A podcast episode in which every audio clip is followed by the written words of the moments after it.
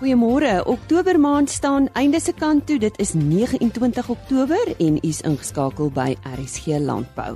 Ons eh, praat met Frans van Eden oor voorsorg is beter as nasorg en in landbou is dit ook net so belangrik. Ons hoor wat is die departement landbou in die Wes-Kaap se betrokkeheid by vanjaar se Agri Expo Livestock? Ons medewerker Koos de Pisani het met die Holliston Landbou Unie gesels en Henny Maas en dokter Fafa Malan praat oor siektes wat aangemeld is. Ek het tydens die Agri Expo Livestock met die departement landbou in die Wes-Kaap gesels, onder andere met dokter Dirk Troski, hy is direkteur besigheidsbeplanning en strategie. Julle is al so sinoniem met Agri Expo. Waar Agri Expo is, is departement landbou van die Wes-Kaap. Dirk, julle betrokkeheid by livestock vanjaar, wat behels dit? Kyk, ons is normaalweg elke jaar is ons hierso en ons neem aktief deel aan die uitstallings en daai soort van goed. Maar hierdie jaar vat ons dit 'n stapie verder. Uh en ons het 'n program wat ons noem Connect Agri en hierdie Connect Agri rus op twee bene. Uh die een been is met ons kliënte, uh met boere, maar nie noodwendig net met boere nie want daar's 'n klomp mense in uh, wat betrokke is by landbou wat nie noodwendig boer nie. Ja, ek wil eintlik by jou weet wie is julle kliënte? Wel, on, ons kliënte is almal wat eet. Want as jy as jy eet op 'n manier het ons veeartse speel 'n rol of ons navorsing die manier die advies wat ons gee oor die plante, die voorligting, al daai soort van. So al 6.2 miljoen inwoners van die Wes-Kaap en wel almal in Europa wat ons uitvoerprodukte eet, is op 'n manier ons kliënte. So uh wat ons hier doen as deel van hierdie Connected Agree is om daai uh, deelhouers van ons met hulle te skakel. Want kom ons wees nou eerlik, uh as mense rondom die braaivleisvuur staan dan sê nou wat doen die staat nou vir my? Uh so ons is hier so om te sê wat doen ons vir ons kliënte? En dit is op dit daai deel staan dan op twee bene en die een been sta, is is die dienste wat ons as departement van landbou aan ons uh aan ons boere lewer.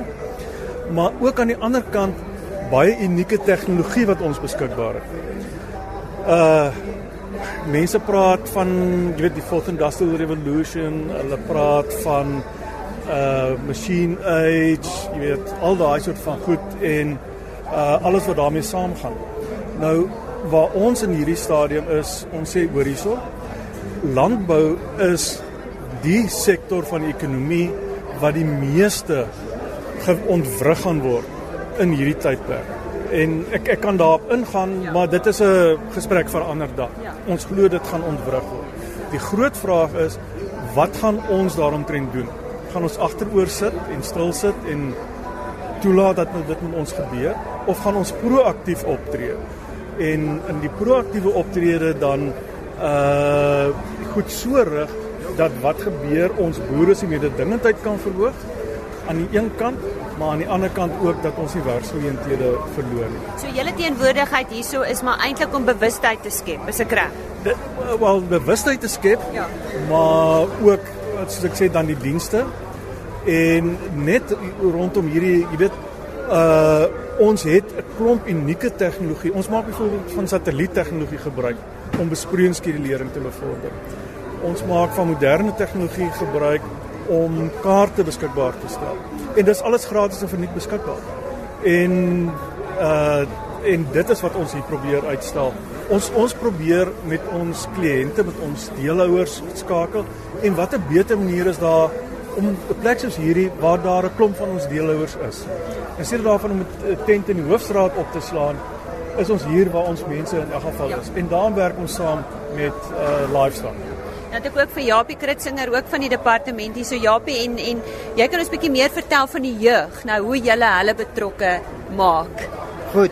Ja, vir ons is dit ehm um, die ding wat hoe ons die jeug betrokke kry is ons het 'n volledige loopbaanuitstalling vir die jeug. En dit behels ons departement ehm um, bring die skole se kinders, basies jou graad 9s en graad 11s probeer ons hiernatoe bring om vir die jeug ehm um, bekend te stel met al die geleenthede wat daar loopbaangeleenthede wat daar in landbou is. Baie mense dink jy moet 'n plaas besit of 'n eienaar wees van 'n plaas of 'n boer om aan landbou betrokke te wees, maar dit is nie so nie. Byvoorbeeld net ons departement se betrokkenheid wat ons bied as 'n departement. Ons het 8 hoofprogramme. In elk van daai programme is daar spesifieke kundigheid, professionele en tegniese mense wat werk in verskillende velde. So dan bring ons die skoolkinders hier na toe, die graad 9s moet besluit oor hulle laaste 2-3 jaar op skool wat se vakke hulle gaan doen en dan die graad 11s staan op die voorpunt om nou uit te gaan om verder te studeer. So hulle moet kies. So dis hoekom ons op 9s en 11s fokus. Maar as ek nou so dink 9s en 11s, die, die Weskaap is groot. So hoe bepaal julle wie is hierso? Ja, dit is 'n ding wat ons by bestuur elke jaar gaan sit. Ons doen ons jaarbeplanning. Ongelukkig vat hierdie uitstallings van ons geweldig baie tyd. Daar's 30 tot 40 mense wat werk op so 'n uitstalling vir 2-3 dae. So dis baie mannekrag. So ons doen twee keer per jaar dit en dan besluit ons na watter landbouskoue toe ons gaan. Dirk het nou verwys na ons kom nie 'n tent opslaan in 'n dorp nie. Ja. Ons het gevind dat die landbouskou is absoluut die beste plek om dit te doen. So ons het nou al by sewe geleenthede in die afgelope 2 jaar was ons by landbouskoue. Ons was pas op Moreesburg op een van die grootste skoue in die Wes-Kaap. Ons is nou by Agri Expo en dit is ons blootstelling vir ons kinders van die Kaapse wynland, maar ook spesifiek vir ons kinders van die stad, van die metro. Want Kaapstad self het nie meer 'n landbouskou op sigself nie. So ons het Agri Expo uh se livestock het ons gesien as 'n guldige geleentheid waar ons die kinders van die Kaap af kan bring. So ons het 3 skole elke dag wat kom en ons deel hulle in klein groepies op en hulle gaan staan dan by die 8 programme vir 10 tot 12 minute. Die amptenare lig hulle in oor presies wat hierdie wat hierdie loopbaan of hierdie spesifieke veld behels en hulle kry geleentheid om vrae te vra en en te kommunikeer met mekaar. En jy weet die toekoms van ons landbou as ons hier kyk na die jeug nie en as ons nie die jeug betrek in landbou nie, dan gaan landbou mos stadig kwyn. En landbou is die die kernaar van van ons ekonomie. So dit is wat ons doen. Die stem daarvan Japie Kritzinger van die Departement Landbou in die Wes-Kaap en voor dit het ek ook met dokter Dirk Troski gesels. In die Noord-Kaap is die bevolking maar eil gesaai en almal weet hulle is op mekaar aangewese. In die landbou is dit ook so. Die opkomende boere het 'n waardevolle bron van inligting in die kommersiële en stoetboere wat hulle help om op hulle voete te kom. Koos de Pisani het met Brande Tooi, voorsitter van die Holliston Boere Unie gesels om uit te vind wat die verhouding is tussen kommersiële boere en opkomende boere in hulle distrik. Brande Tooi is die voorsitter van die Holliston Boere Unie. En wanneer jy met die boere in die omgewing gesels, dan kom jy agter dat die opkomende boere het besonder baie sukses behaal en dat die boere unie die een of ander aandeel daaraan gehad het. Ek het met Brand gesels.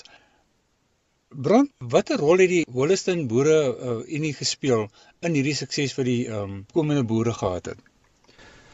Ek die die Holliston boere unie sien nie die opkomende boere as ander boere nie. Ons sien dit as deel as deel van ons uh gewoonlik doen boere ruil inligting onder mekaar uit en dit is maar presies wat ons met die klein boere ook gedoen het. As iemand kom vra om hulp gaan van die buurmanne of die manne rondom hom of by die koöperasie ons help ons eerstehands met eerstehandse inligting want dit is die beste manier dink ek hoe jy boer kan vestig is deur inligting deur te gee. As jy moet sê watter rol speel die uh, opkomende boere in die landbou as as as mens na die groter prentjie kyk? Ek dink die opkomende boere is 'n baie belangrike sektor in die sin uh dat die ou van die begin af die harde manier leer hoe boerdery eintlik werk en en dit is 'n hoeksteen vir 'n kommersiële boer is uh jy moet begrip vir boerdery hê. So die die klein boer word 'n medium boer word 'n groter boer uh, en en en dit is presies die die die goeie rol wat opkomende boere kan speel. Julle as as boere unie, hoe het julle te werk gegaan om uh die die opkomende boere te help om om deur al daai stappe te gaan van 'n medium boer na 'n groot boer toe? Die inligting speel 'n belangrike rol. maar 'n praktiese voorbeeld wat ek nou kan noem, uh, ons die boere Unie Wolliston bestuur 'n droogtehulpprogram van waar ons voere probeer werf en ons beperkte hulpbronne gebruik om voere aan te koop.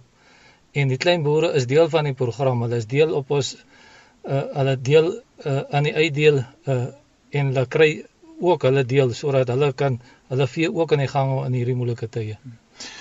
Ek het met een van die jong uh, opkomende boere ook gesels en dit was vir my um, opvallend geweest dat hy vir my sê dat die, die uh, kommersiële boere is baie bereid om om die opkomende boere te help, maar dis nie dis die opkomende boere um, wat nie altyd bereid is om die uh, hulp te aanvaar nie. Het julle dit ook so ervaar of nie heeltemal nie?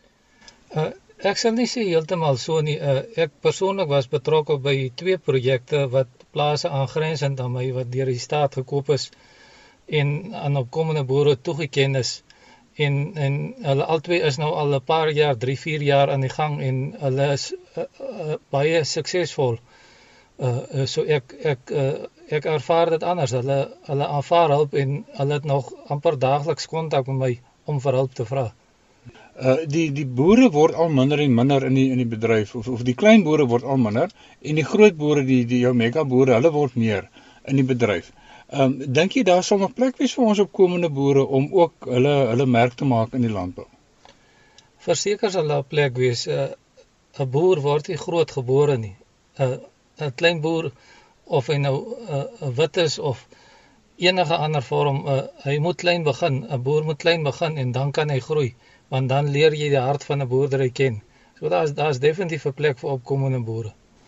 Dit was Brande 2 gewees, die voorsitter van Holliston Boere Unie wat baie positief is oor die ontwikkeling van ons opkomende boere in Suid-Afrika. Dis Koos de Pisani vir RSG Landbou op Holliston.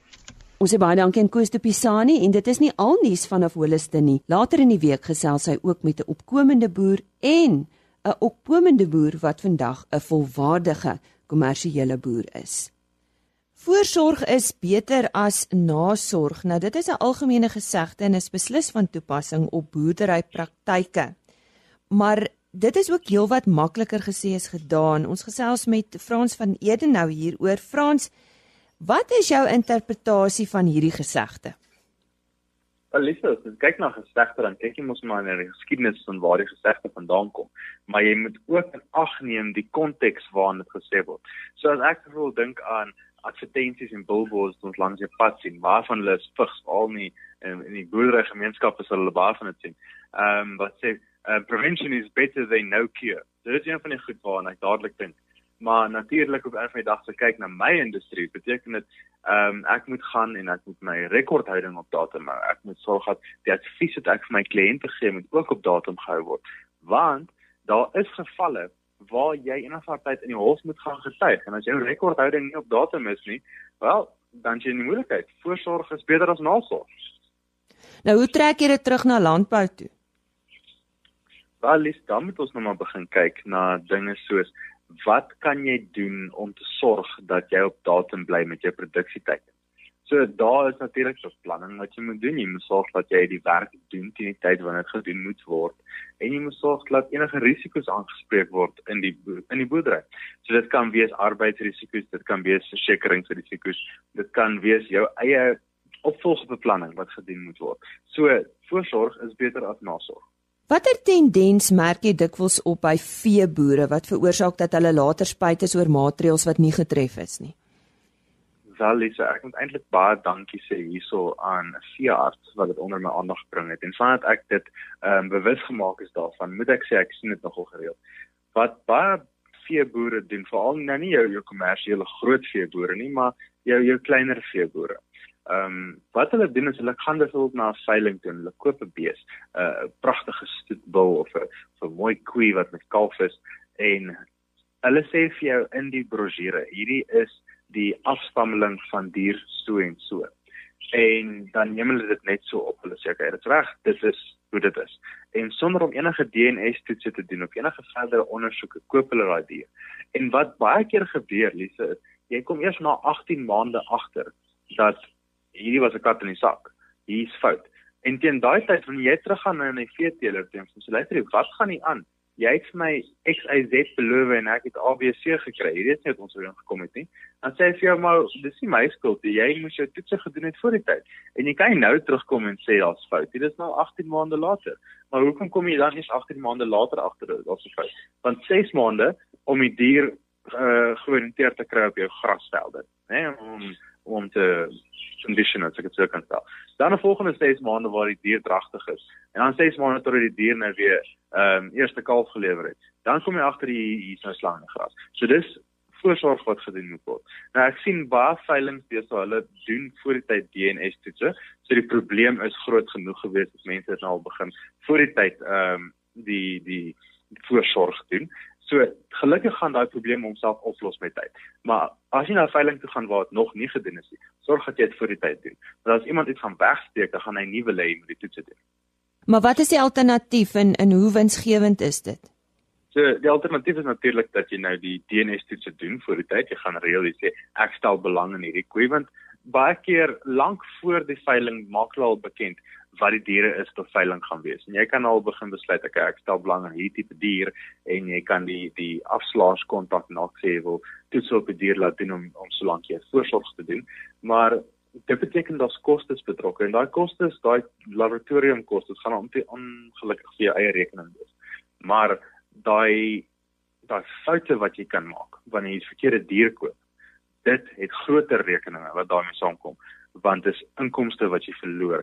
Jy het gebargain op hierdie dier wat vir jou 'n uh, 5% verhoging in uitslagprys ag uitslag karkasgewiging gee. En nou het jy dit nie meer nie. En jy het net sê maar 30, 40, 50000 rand betaal vir 'n die dier. Daai is 'n baie groter rekening as die laboratoriumkoste. Kan jy dalk 'n gevalle studie met ons deel oor hoe hierdie tendens 'n boer met implemente en toerusting negatief kan beïnvloed? So ek gaan sommer kortliks hou. Ehm um, as jy kan kyk na iemand wat nou 'n trekker gaan koop en die trekker het 'n diensplan en as jy nie by die diensplan hou nie, dan gee jy jou waarborg op. Dis maar net as jy 'n kar koop. Ehm um, nou as jy in die middel van jou plantyd en oh, wow behold me, daar is die dis net dienstyd en jy besluit ek kan nie die trekker van die lande afhaal nou nie. Um, ek het nodig dat hy werk. So hy werk. En is vergeet jy, ek nêrens 'n nota dalk gemaak dat die trekker moet ingaan hierdie maand vir diens nie. Nie vergeet. 3 maande later kom jy agter iets is fout met trekker en jy gaan af na jou naaste uh, handelaar toe en hulle sê vir jou, "O, ons het hierdie parte nog reg gemaak nie." Ehm um, ons kan dit bestaan, sê nee, ek het trekker nou nodig. OK, jy gaan sommer na 'n goedkoop parte winkel toe en jy koop die parte want daar's die parte. Maar dit is natuurlik nou nie genuine parts soos hulle sê nie. So nou gaan jy net installeer al die parte in in 'n nuwe trekker. Right, so 6 maande later gaan jy nou en jy besef, okay, die trekker het eerslik probleme. Hy hy het nie meer die die krag output wat hy altyd gehad het nie en jy begin 'n ondersoek doen wat fout is. Maar jy kry nie die probleem nie en jy roep nou die handelaar se diens tegnikus in. En hy sê vir jou meneer, weet jy wat, jou jou diesel injectors uh en Lisa is baie jammer vir die Engels, maar dis my hoe ek dink hoor. Maar ek jammer meneer, maar jou diesel injectors het gegaan en ons kan dit nie regmaak vir jou nie want jy het die waarborgkondisies oorskry. Nou ewe skielik net omdat jy jou diens gemis het en toe goedkoop parte gekoop het, moet jy nou al hierdie fuel injectors wat nou probleme gee want daar vuil vullis in die injector ingekom. Nou moet jy dit uit jou eie sak uit regmaak. Weer eens 'n geval van voorsorg is beter as nasorg en die rekening na die tyd altyd groter as die voorsorgrekening. Frans, wat is jou oplossing vir hierdie boer gegee die feit dat uh, dit nou midde in planttyd is? So op 'n van die dag maak net seker dat jy dagboeke jou dienste vir jou trekkers sorg dat jy eerder daai daai 2 ure of 3 ure wat dit nodig is om die trekker te diens om van die lande afhaal net gou om regmaak en dan kan jy die trekker weer op die lande kry. Eerder dit as jy 'n trekker op 'n latere stadium vir dalk langer, dalk 'n maand of 2 gaan staan as daar foute is. En uh hoe groot rol speel doeltreffende beplanning hierso? Ek sê waar dit wanneer kom is as jy nie beplan vir iets nie, dan gaan jy nie die geld hê daarvoor nie.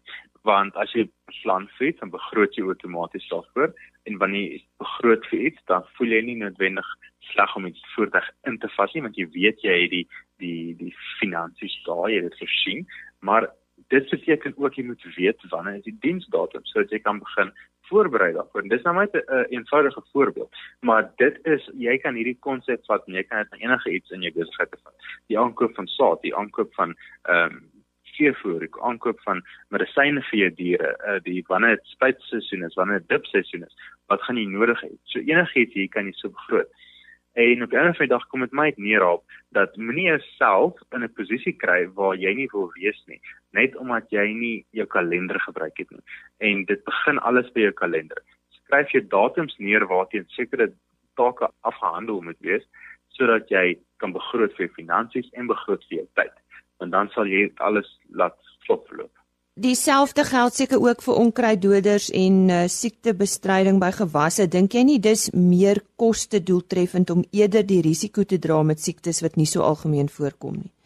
Wel, op 'n dag nou beweeg ons in die in die veld van aktuaries in. Die die risiko gaan beteken ek het X bedrag geld ek moet uitgee as ek gaan voorsorg tref daarvoor. Die nadeel beteken as ek as dit met my gebeur dat hierdie skaars siekte of hierdie skaars uh, insek nou oor my lande kom of in my diere inkom, wat gaan gebeur nou? Nou het ek 'n groter uitgawe wat ek moet uitgee. Is die kans goed dat dit met my gaan gebeur? Dalk nie.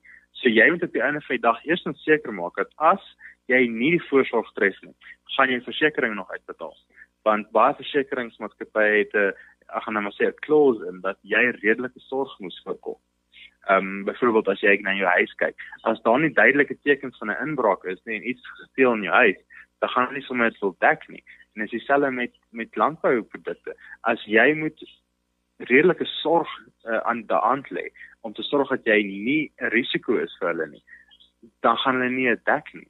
So maak seker dat die koste wat jy wat jy moet aangaan nie dalk groter is as hierdie risiko wat jy probeer ontduik deur eerder daai geldjies in jou sak te hou. Dit sin maak. Nou ja, voorsorg is beter as nasorg, so sê Frans van Eden en hy het ons 'n bietjie meer daarvan vertel en hoe ons dit kan terugtrek landbou toe. Wat is van toepassing en waarna ons moet uitkyk? Vir ons laaste bydrae vanoggend oor Naheni Maas. Ons uh, gesels nou met uh, Dr. Fafa Malan, nie nodig om hom voor te stel nie. En uh, ons gaan praat oor September se aangemelde veesiektes. Fafa, hoe lyk dit? Henny, goeiedag. Ja, die Herkoue Veterinêre Vereniging van Suid-Afrika se veeartse het weer gerapporteer so 113 praktyke. En ons moet die boere waarsku want daar's heelwat panne wat vol water staan en veral hier in die Vrystaat maar ander plekke ook. So ons weet die muskiete en die muggies is een van die dae met ons. En daarmee gaan saam die blou tong en ons het die slengtaal koors daar in Jakobsdal gehad. Eh, ek is bang vir uitbreuke, baie bang. Die knopvel siekte, drie dae stywe siekte en dan het ons nog die anaplasmose, die buitende vlee en Afrika perde siekte.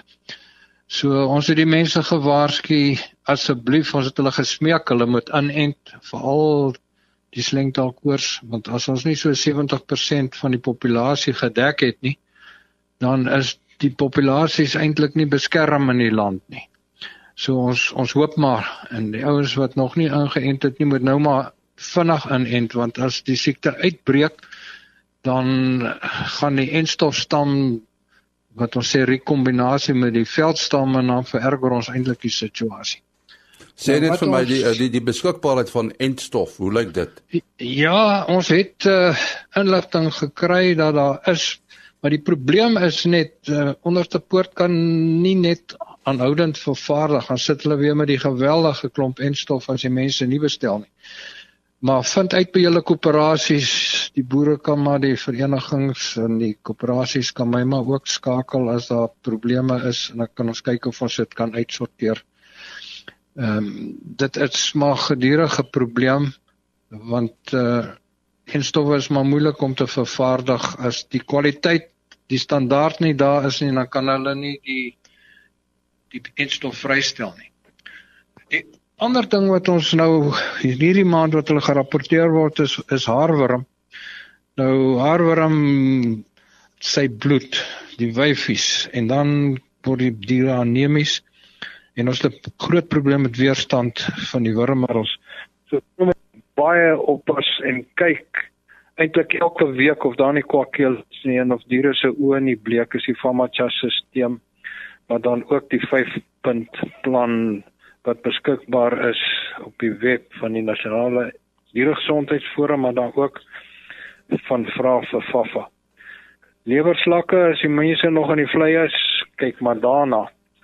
En dan as ons kyk na die bosluise wat gerapporteer die bosluise elke provinsie, so die waters Afrika en veral die Asiatiese rooi water let op ons moet inent vir Asiaties waar dit voorkom want uh, diere vrek sonder enige kliniese tekens. Hartwater is gerapporteer en dan die bondpote is maar 'n probleem. Ons ook die sweet siektes en so aan. Die, die bosluitgaal siekte kom in sewe provinsies voor. So kyk as die diere geelsig kry, ehm um, dat 'n mens kan behandel. Ek verwag ook hierdie knopvel siekte as ek na laas jaar kyk, gaan ons nou begin 'n uitbreek kry. Ek hoop julle het ingeënt. As ek kyk na hierdie veneriese siektes, die geslagsiektes, trichomonas is nog oral. Agt van die provinsies het gerapporteer. En ons verloor, ek wil amper sê miljoene kalvers wat nie gebore word van die bulle wat positief is. Vibrio ook 'n probleem. En dan as ons kyk na die bakteriese siektes, die sponsiektes en daar's verskillende soorte. Kry 'n diagnose as die gewone sponsiekte enstof nie werk nie dat 'n mens die multiklostridiale enstof kan gee. Skape, die eh, bloednier, rooi darms, bloeddarms en dan uh die bruselose, die bruselose. Ek moet dit seker 10 maal sê. Ag boere, help ons dat die verse ingeënt kan word en toets julle julle kuddes. Ek het nou weer 'n kudde wat 'n ou eintlik lyk my gaan ophou boer. Sy bure toets nie en hy't stoetdiere. Hy's eintlik moedeloos. So uh, ons weet van hierdie snotsiekte wat die buurman die twee bure geskik het, maar daar kan finansiële implikasies wees, hofsaake ontstaan. As kudde skoon toets, maar die bure toets nie en die kudde raak aangesteek van die bure af en uh, dis 'n reuse probleem. Dan is daar nog die snotsiektes in 'n hele paar provinsies wat uitgebreek het en dan natuurlik hondsdolheid, hondsdolheid, wees versigtig. Ons het geweldig baie uitbreke van hondsdolheid in honde, maar ook in beeste, veral hier in KwaZulu-Natal en die Oos-Kaap. En so ruk terug het ons daar in Noordwes ou wat 80 beeste verloor het wat jakkalse tussen sy beeste ingekom het. Oppas om jou hand binne in die bek in te steek want jy kan dit optel. As ek so deur my papiere kyk, vergiftigings, tulpe, tulpe, tulpe. Veral nou hier in hierdie tyd is hulle eerste wat uitkom. So, kyk maar, diere kan aangepas raak. Ons weet wat die boere baie keer doen as hulle beeste inkoop dat hulle bietjie as van die tulpe maak en op die tande smeer. Ou boere raad, maar dit werk. En dan die irium vergiftigings. Um, ons kry geel dik op uit die plekke wat gifblaar ook gekry. En dan die inkbessies. Inkbessies het begin dodelik. So kyk maar daarna. En dan het ons maar vergiftigings van mense wat hulle as hulle uh, doseer, oordoseer en uh gee die regte dosisse in. En dan as ek nou nog so kyk, aborsies kom maar nog oral voor. Kry maar net 'n diagnose. Maar as ander goed behalwe 'n uh, brucellose soos Q-koors, salmonellose, leptospirose en raadpleeg jou veearts. So, dis die belangrikste. En ons wens julle 'n baie goeie lente en somerseisoen toe mag die kalvers en die lammers val. Ons is daar om julle te help. Baie groete van die Herkouer Veterinêre Vereniging van Suid-Afrika. Daar sê wie kon dit nou beter sê? Dit is uh, eh, Dr. Fafa Malan wat uh, so 'n bietjie gesels het oor die uh, huidige veesiektes. Dankie Henny en dankie ook aan elke luisteraar wat ver oggend saam met ons gekuier het. Ons kuier weer môre oggend. Totsiens. RSG Landbou is 'n produksie van Plaas Media. Produksieregisseur Henny Maas Aanbieding Lisa Roberts. en inhoudskoördineerder Jolandi Root.